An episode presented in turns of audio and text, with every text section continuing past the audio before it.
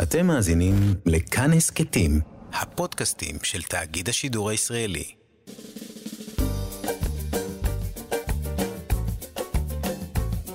שישים החדש, עם איציק יושע.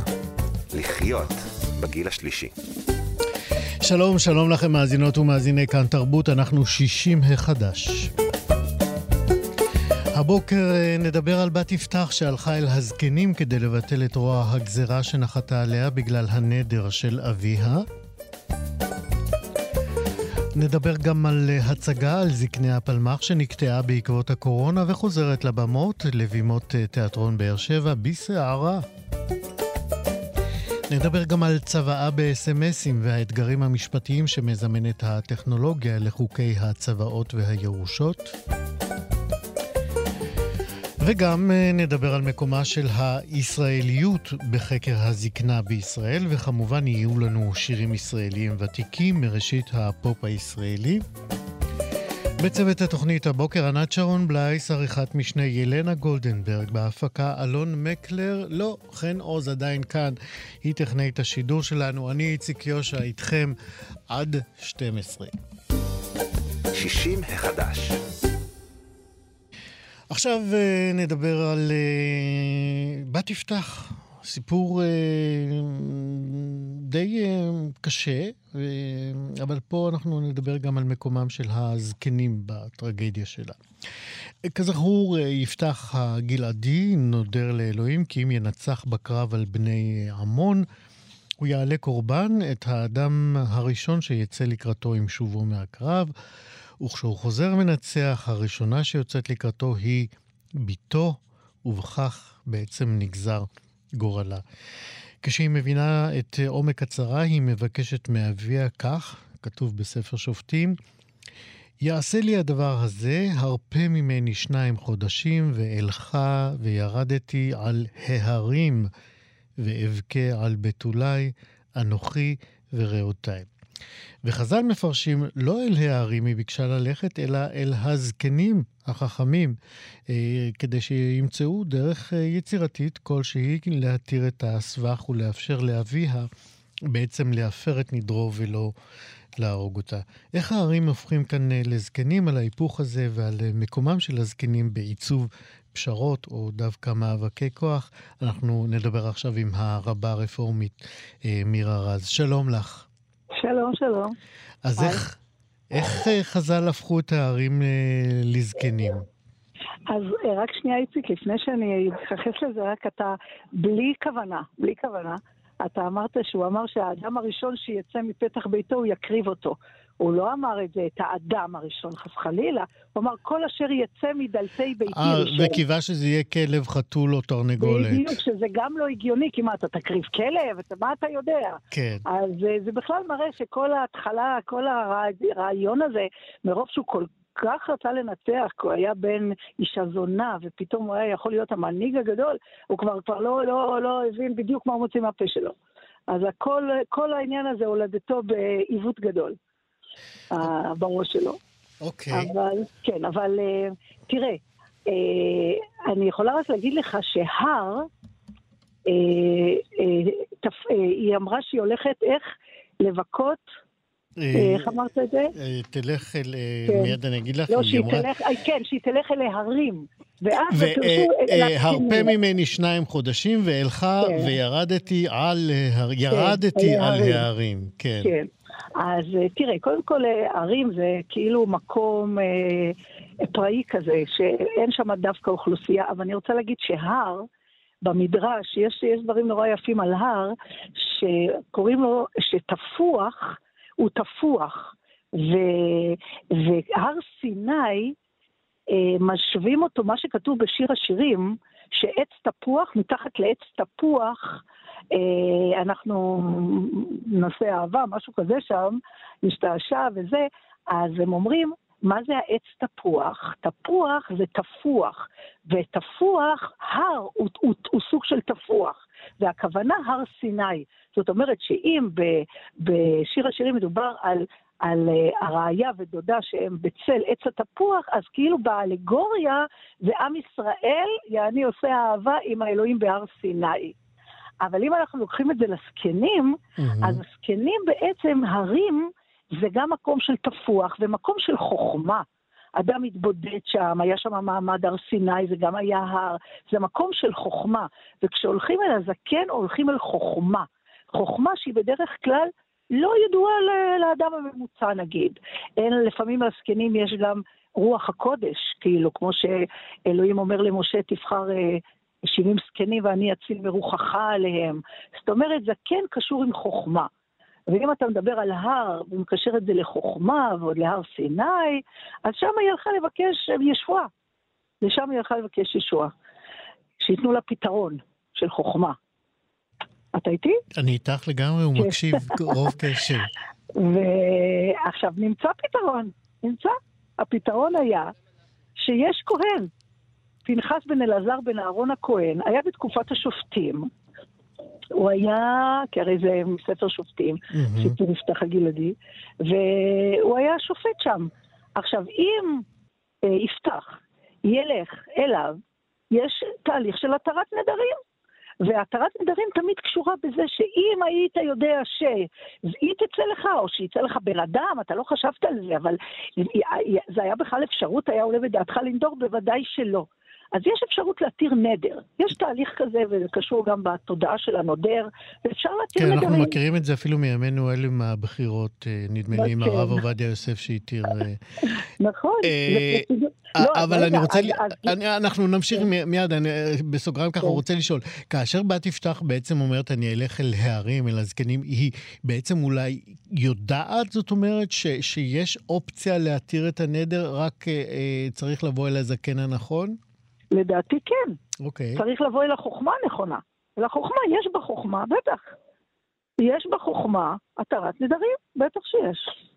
בטח. כי תראה, כל העניין של ההלכה, אסור להתבלבל. התורה אומרת וחי בהם, ולא שימות בהם. ההלכה היא בשביל החיים, לא החיים בשביל ההלכה. מהמם. זה לא עובד ככה. מי שחושב ככה, זה מה ש... אז זה בסופו של דבר, ככה הוא משניא את התורה, או את ההלכה, את עולם ההלכה, שאתה צריך להתכופף להלכה, זה לא נכון. ההלכה היא בשביל החיים ובשביל להוציא את הטוב מהם. שזה יש הלכה. כן. ובגלל זה היא גם הולכת. להתיר נדרים זה סוג של הלכה, של דינמיות. כי עובדה, נדרת נדר, מוצא שפתיך תשמור, אומרת התורה. אתה חייב, גם אם הנדר לא נכון ולא זה, מוצא שפתיך תשמור. זה התורה אומרת. אבל יש חוכמה שעושה את החיים, נותנת משמעות לחיים מעבר לנדר הזה. שהוא לא הגיוני, וזה לא מה שהוא התכוון. אז יש חוכמה גבוהה, לשם ללכת. בואי נחזור לפנחס באמת. אה, מה, מה היה מקומו ומעמדו, אה, ולמה בעצם אה, לא השתמשו בו? הוא היה הכהן הגדול למשפחת אהרון ובניו, וזה עובר מ- בירושה מאב לבן. והוא היה נכד של אהרון, וכשעלתה האופציה הזאת של התרת נדרים, אז היה, יפתח היה אמור לבוא אליו. אבל הוא אמר, לא, אני לא אלך אליו. למה? ו...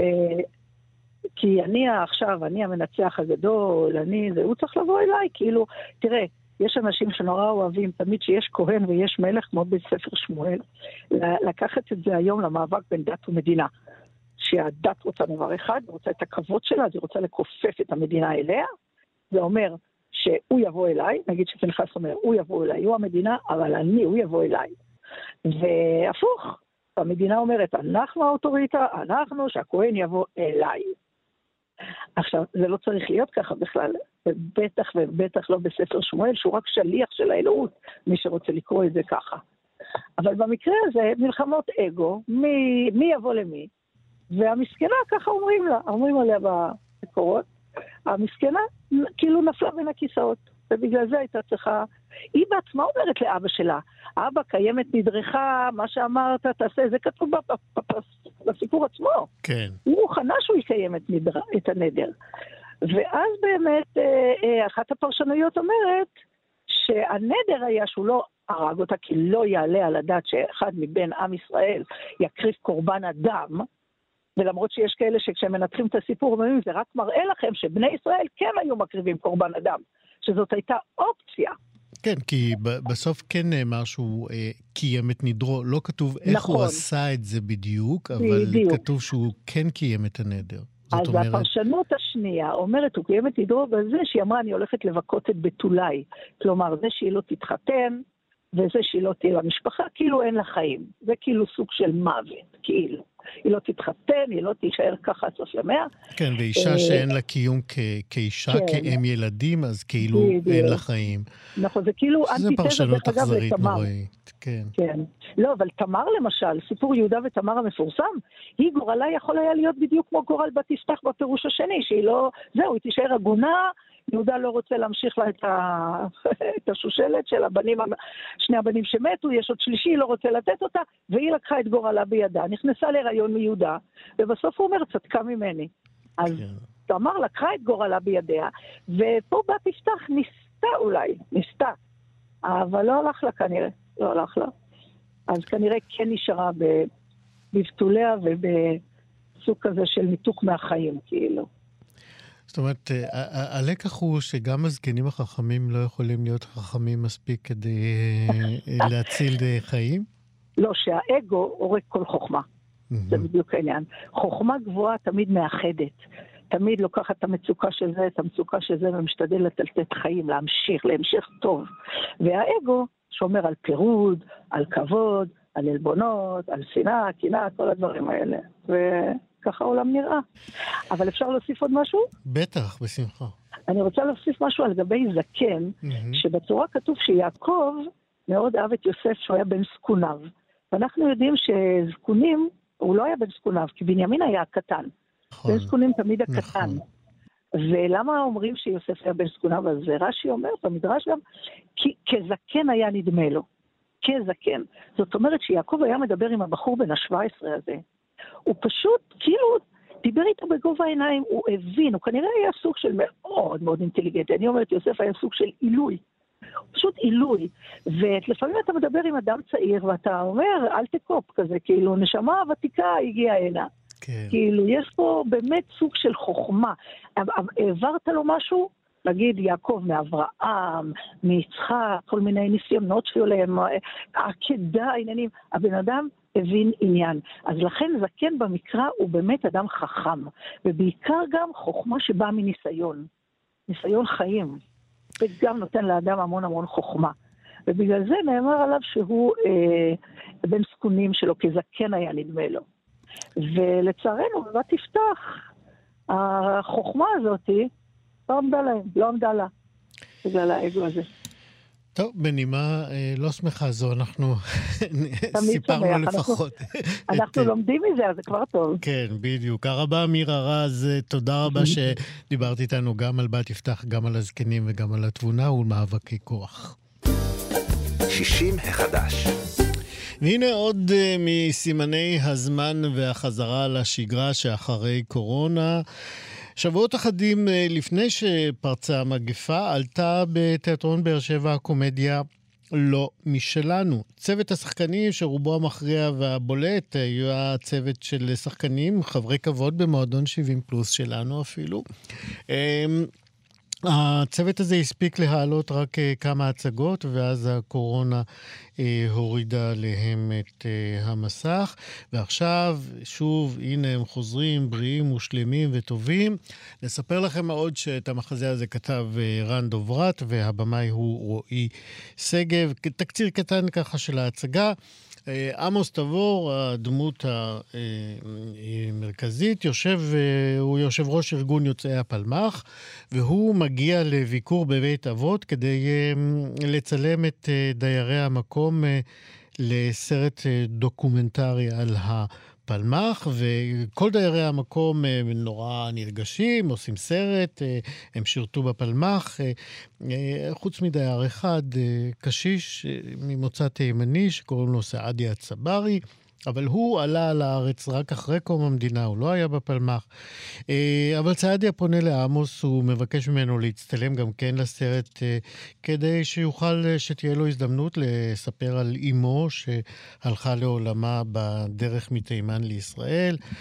אבל עמוס, מה לעשות, מסרב, לא רק שהוא מסרב, הוא מסרב אה, סירוב מלא בוז לסעדיה. העסק מתחיל, ממשיך מכאן להתגלגל. אה, אל מחוזות אה, גם עצובים וגם משעשעים, אה, ככה וככה. בין הכוכבים שם אפשר למצוא את גבי אמרני ואת דינה לימון ואת אבי פניני. ובתפקיד עמוס תבור, מוטי גלעדי האדיר, והוא האורח שלנו עכשיו. שלום מוטי.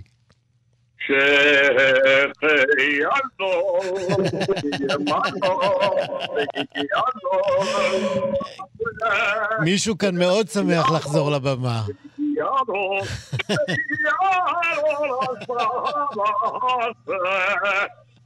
בוקר טוב. בוקר טוב, מוטי. טוב, נו, מזמן לא נשמעה שמחה כזאת על הבמות. מה? מזמן לא נשמעה שמחה כזאת לחזור לבמה, כמו זאת. שמחה אדירה וריגוש אדיר, געגוע אדיר. של הקהל, ואני משוכנע של הקהל אלינו, ובקיצור, החיבוק חוזר, ו... ועם ישראל חוזר לחייך, ומתחילים לחייך בבאר שבע, ומשם לכל רחבי הארץ. יש הצגה הערב, נכון? הערב הצגה, ומחר הצגה, שלושה ימים רצופים, עד יום רביעי, כולל יום רביעי, ואחרי זה יוצאים למסע הצגות בכל רחבי הארץ, ו... ואנחנו, כמו שאמרתי, גם, גם מתעסקים מאוד וגם הריגות הוא כפול, אולי אחרי ששנה וחודשיים היינו אסירי ציון, אז הנה אנחנו יוצאים, לה, יוצאים, יוצאים לחופשי. יפה, אז בוא, בוא ספר לנו על לא משלנו, על, על ההצגה. ככה, אני עצרתי את ה... כדי לא לעשות יותר מדי ספוילרים, אבל אני בטוח שאתה יכול לספר יותר ממה שאני העזתי. אז כן, אתה הזכרת את הקונפליקט שמלווה, את ה... שהולך לאורך כל ההצגה. סעדיה התקציב ש... שכאן 11 הבטיחו ל... לעמוס תרבור, שוב אנחנו אשמים. אוקיי. סוגרים לו את הברז, והוא חסר אונים, ופתאום מגיע התימני הצנום בבית האבות, שהוא לא היה בפלמ"ח, הוא מציע לו שהוא ייתן לו, שהוא מוכן לתרום כסף בתנאי שיצלמו אותו ו... ויוכיחו שהוא היה בפלמ"ח, דבר הזוי לחלוטין, כן, אבל...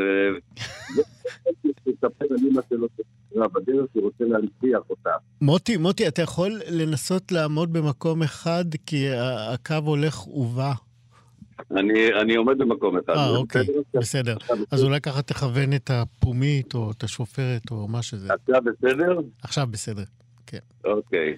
אז אה, אה, מה שקורה, כמו שאמרת, העניינים מתגלגלים אה, תוך כדי בלוף אחד גדול, שמנסים לשכנע את כל, את העולם ואשתו שאכן הוא היה בפלמ"ח, וסעדיה צברי, ו... והשתלשלות העניינים, כמובן שלא נספר את כל הפרטים כדי שהקהל יוכל לצחוק ולהיות מופתע בהצגה. אבל יש שם מהפכים, הגיבור, אה, במקרה הזה עמוס תבור, כן, שהיה אה, מפקד בפלמ"ח ולא הגשים את חלומותיו ומנסה להגשים עכשיו בסרטו הדוקומנטרי. אה, בסופו של יום מגלה שסעדיה זה האנטי-הירו הוא בעצם הגיבור האמיתי של החיים. שזה גבי אמרני, נכון? גבי אמרני המקסים, וצוות נהדר, ובכלל משפחה נפלאה. בכלל, באר שבע, בית שין, זה ברוך שובנו, ראשי תיבות ברוך שובנו. אתה מלא גימטריה היום.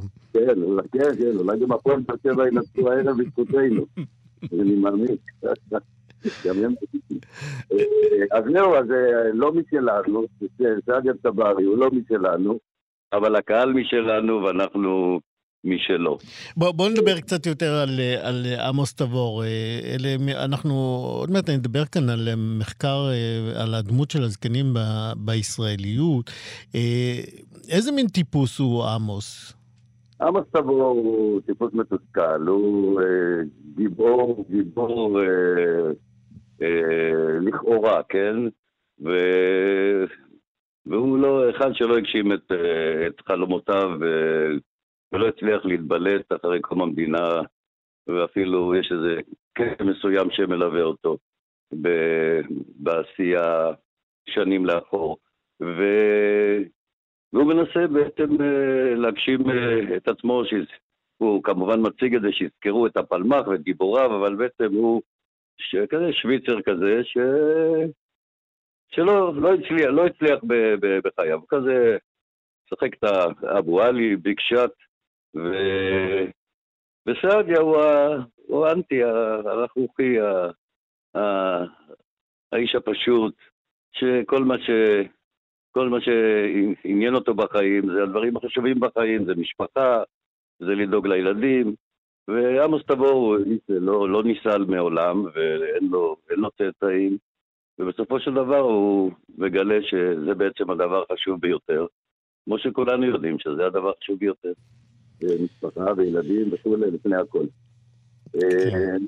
יפה.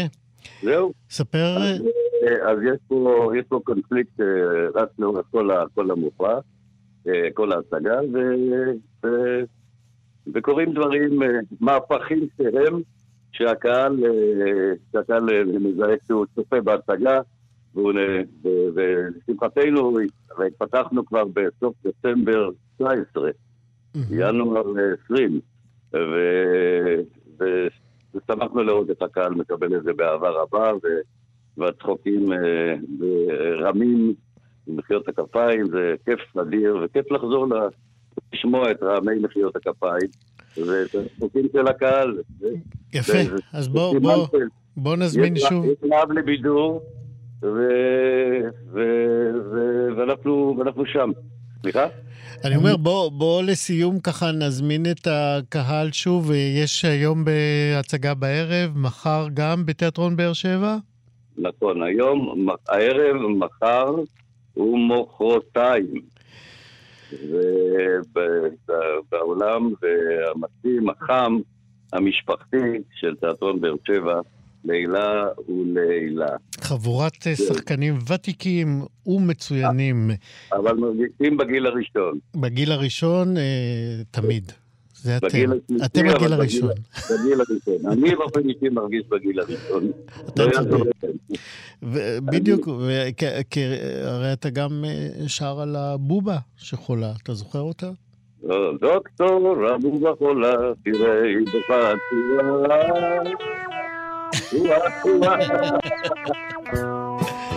מוטי גלעדי, כוכב ההצגה, לא משלנו, תודה רבה שדיברת איתנו, ובהצלחה. תודה, תודה לך, ותודה לקהל שמגיע אלינו. להתראות. 60 החדש. הזקנה הישראלית, שלושה מקורות משמעות. זאת כותרת מאמר שכתבה הדוקטור גבריאלה ספקטור מרזל. והוא התפרסם לאחרונה בכתב העת גרונטולוגיה וגריאטריה של האגודה הישראלית לגרונטולוגיה. אחת הטענות שמעלה המאמר אומרת שלהוציא את בחינת הזקנה במסורת היהודית, הניסיונות להתחקות אחרי מקורות המשמעות של הזקנה בולטים בהיעדרם במחקר האקדמי. אה, מיד נבהיר את זה.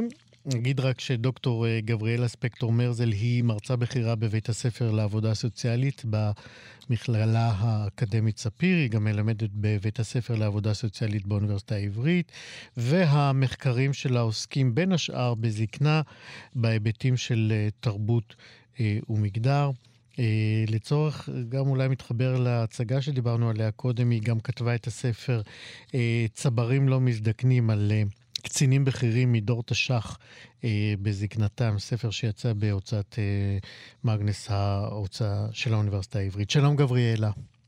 שלום. מכיוון שאת uh, על הקו, תגידי לנו את uh, את כל מה שניסיתי להסביר קודם במשפט אחד. איזה חלקים בזקנה הישראלית לא ממש מקבלים הד במחקר האקדמי? אז אני אגיד שהנחת המוצא היא שהזקנה היא לא רק, ואפילו לא בעיקר, תהליך ביולוגי, אלא היא קודם כל אה, תוצר של חברה ושל תרבות, וכל חברה מגדירה אחרת מה זה להיות זקן, ומי זה זקן, ומה התפקידים של אה, זקן. וכל זה זה, תוצר של תרבות. Uh, הרבה מאוד מהמחקר uh, הגרונטולוגי בכלל בעולם וגם בישראל קצת מתעלם מההקשר התרבותי של זקנה ומדבר בשפה אוניברסלית.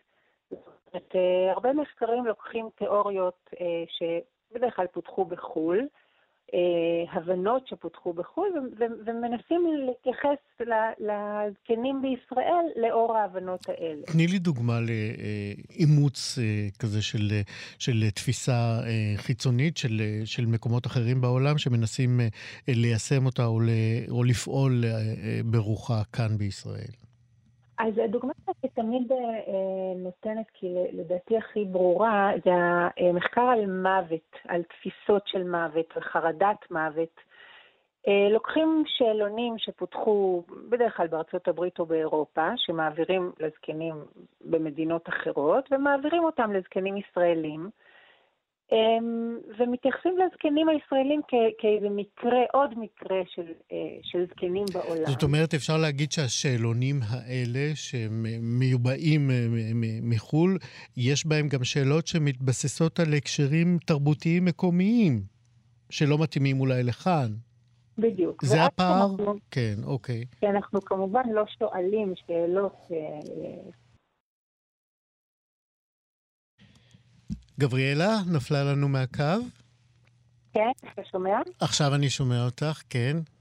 משהו ניתק, כן.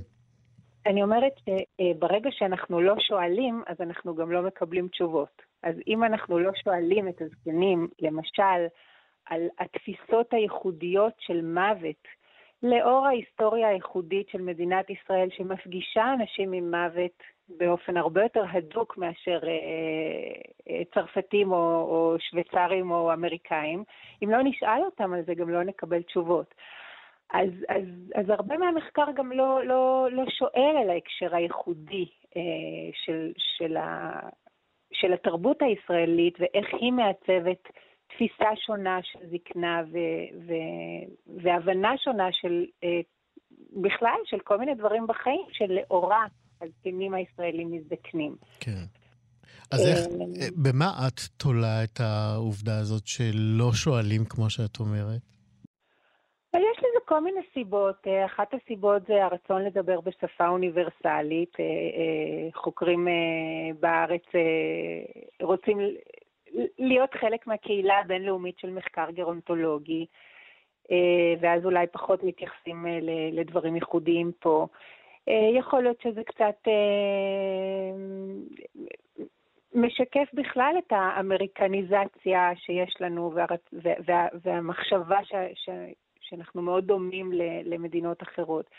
זה כל מיני סיבות, אבל מה שאני אומרת זה שכדי להבין זקנים ישראלים, צריך גם להבין את הזקנה הישראלית.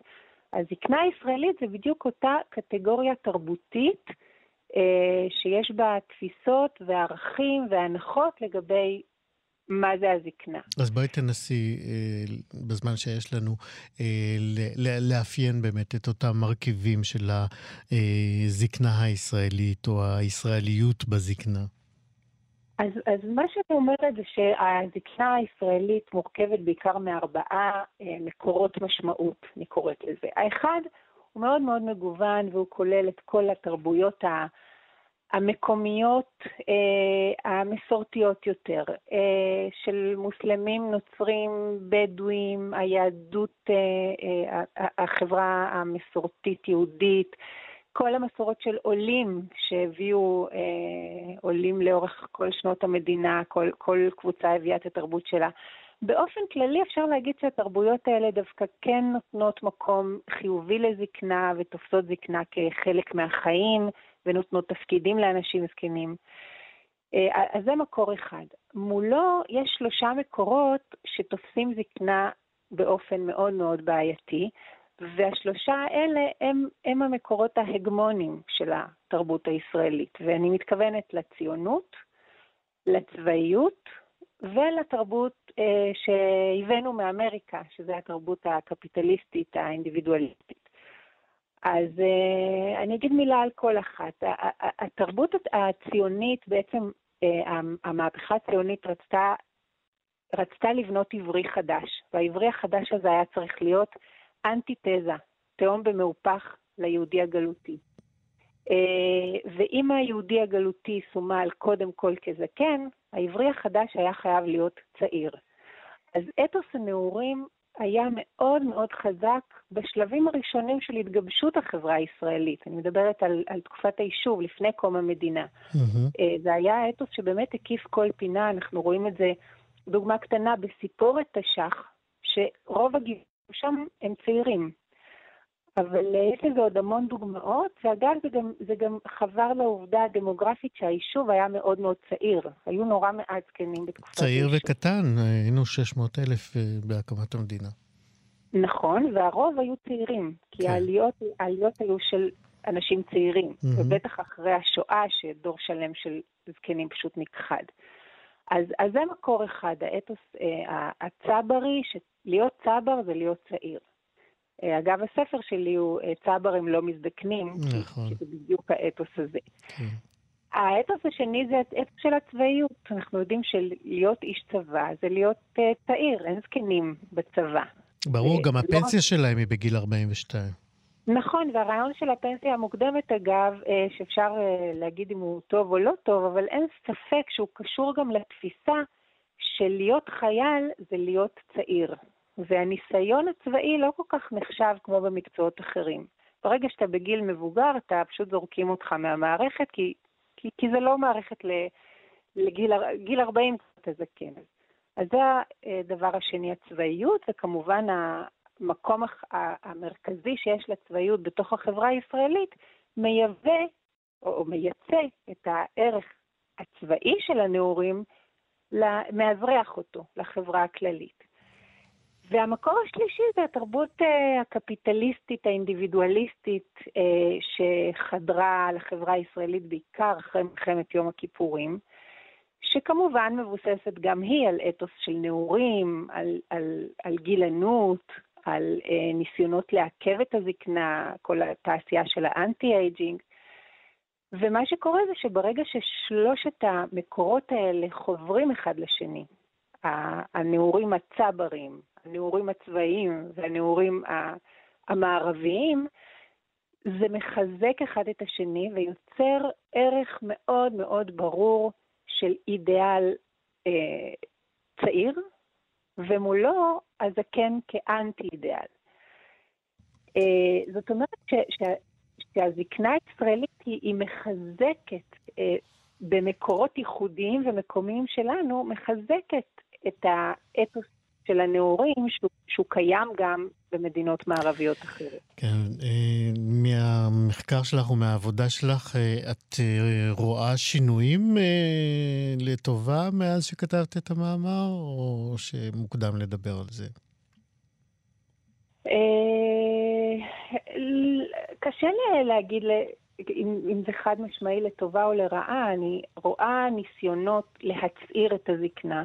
אם תסתכל על האופן, למשל, שבו דיורים מוגנים רוצים למכור, אז הם, הם מצעירים את הזקנה, זאת אומרת, הם מתעלמים מהחלקים הפחות אה, אה, אה, סקסיים שלה, ו, ושמים את המחלקות הסיעודיות במרתף, ומוכרים את הדיור המוגן כאיזה משהו שהוא כיפי וצעיר. נכון, אנחנו גם, זאת אומרת, אין לנו כבר זמן, אבל אה, אה, את יודעת, התארכות תוחלת החיים אה, אה, מאלצת אה, את כולם בעצם להתייחס לתקופה הזאת לא כאל אה, תקופה שצריך להסתיר את החלקים המורכבים שלה, להפך, להבליט את האחרים היותר אה, אה, אפשריים ומאפשרים, כי הם בעצם החלקים הבולטים יותר ככל שהשנים עוברות. אה, אבל אין לנו זמן באמת אה, להמשיך על זה. זה הדוקטור אה, גבריאלה ספקטור מרזל על הזקנה והישראליות. תודה רבה שדיברת איתנו. תודה רבה. להתראות. 60 החדש. אנחנו מדברים כאן מעת לעת על אה, צוואות ועל חשיבותן ועל הדרכים היעילות אה, לכתיבת אה, צוואות וגם לקיום שלהם. מתברר שימי הקורונה ומקרי המוות הרבים שהמגפה הזאת גבתה לצערנו העמוק, הימים האלה ייצרו גם אירועים משפטיים, אפשר לומר, חדשים, שקשורים לצוואות ולמחלוקות סביבן.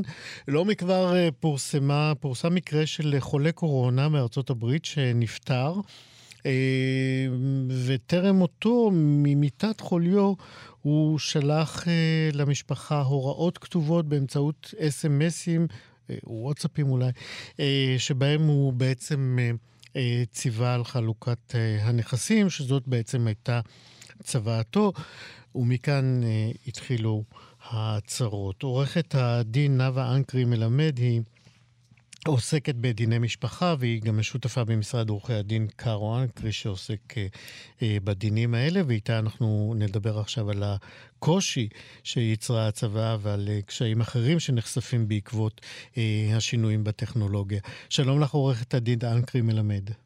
שלום, שלום. קודם כל, בואי באמת שימי לנו איזושהי תשתית לסיפור המסגרת של אותו חולה מארצות הברית והצבא בסמסים. בסדר גמור. אה, קודם כל, אה, מדובר בעצם בישראלי שגר בארצות הברית.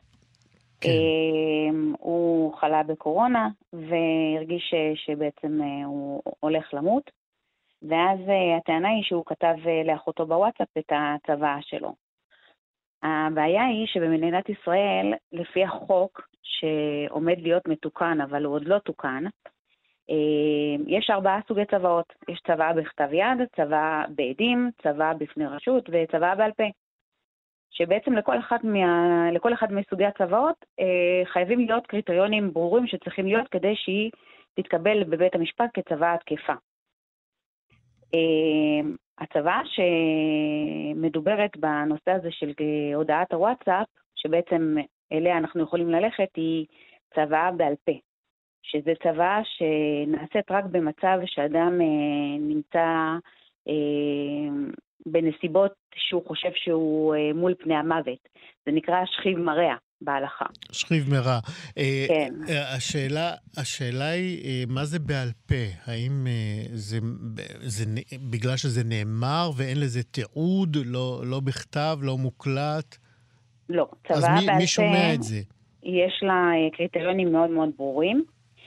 אה, קודם כל, מי יכול לעשות אותה? זה רק אדם שנמצא על ערש דווי עומד למות, או מישהו שמרגיש שהוא בסכנת חיים ובאמת חושב שהוא הולך למות.